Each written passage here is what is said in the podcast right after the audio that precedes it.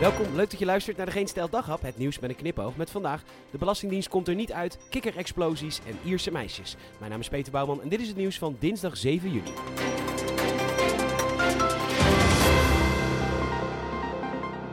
De Belastingdienst heeft het er maar druk mee met alles wat niet echt de taak is van de Belastingdienst. Als de wetten goed waren geweest en ze zelf niet met nare algoritmes zouden werken. Ze zijn vooral aan het puin ruimen. Maar ja, een toeslagenouder kan niet echt een vuist maken, de rijken der Nederlanden natuurlijk wel. En dus moet de spaartax teruggestort worden. Maar ja, hoe? Luidt de vraag bij de T. Vorige week bespraken we al een hele vreemde wet die stelt dat alleen mensen die geprocedeerd hebben tegen de staat recht hebben op compensatie. Dat zou de goedkoopste oplossing zijn. Maar de wet zelf is niet goed, stelt de Hoge Raad. Dus dan zou de wet die niet goed is wel gelden voor mensen die niet geprocedeerd hebben en niet gelden voor de mensen die wel geprocedeerd hebben.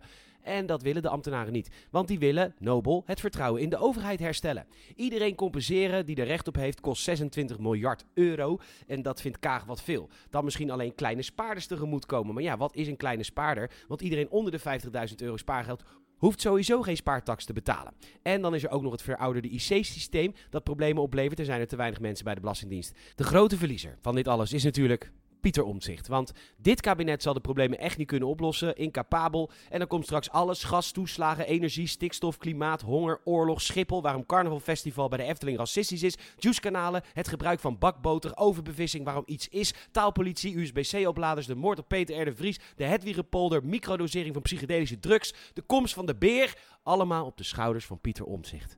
Arme, arme man.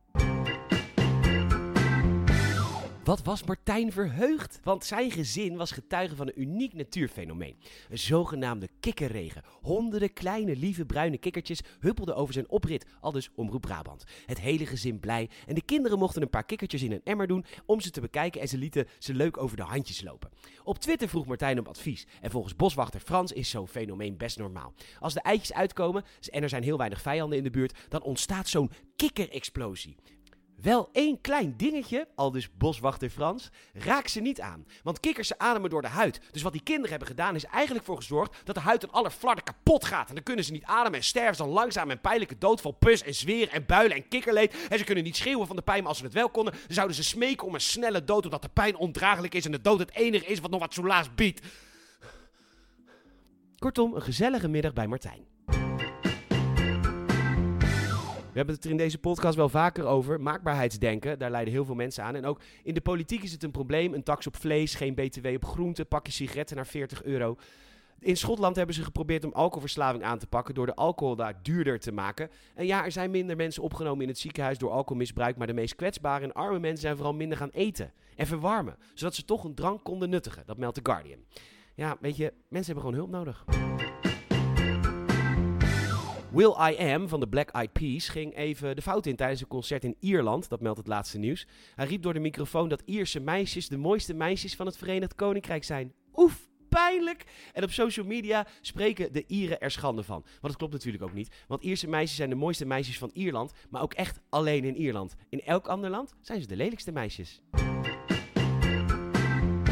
Bedankt voor het luisteren en je zou ons enorm helpen als je een familielid of vriend of vriendin vertelt over deze podcast. Je kan een Apple Podcast Review achterlaten, 5 sterren alsjeblieft. Uh, we hebben er nu al 50 ook op Spotify zag ik en een 4.7, dus onwijs bedankt. Help ons te groeien, help ons daarmee.